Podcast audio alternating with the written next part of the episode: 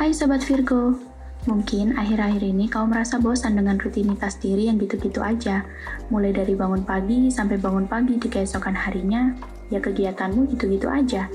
Mungkin kau bisa memulai lagi hobimu yang sudah lama kamu tinggalkan.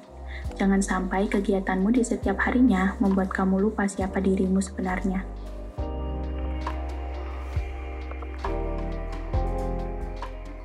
Percintaan untuk Sobat Virgo yang masih single. Be grateful for whatever you have today.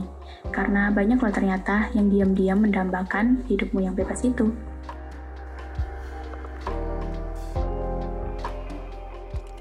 Percintaan untuk Sobat Virgo Lovebird.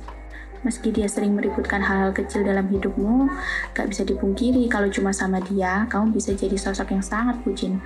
As we know, kalian, Virgo paling anti sama yang namanya bucin.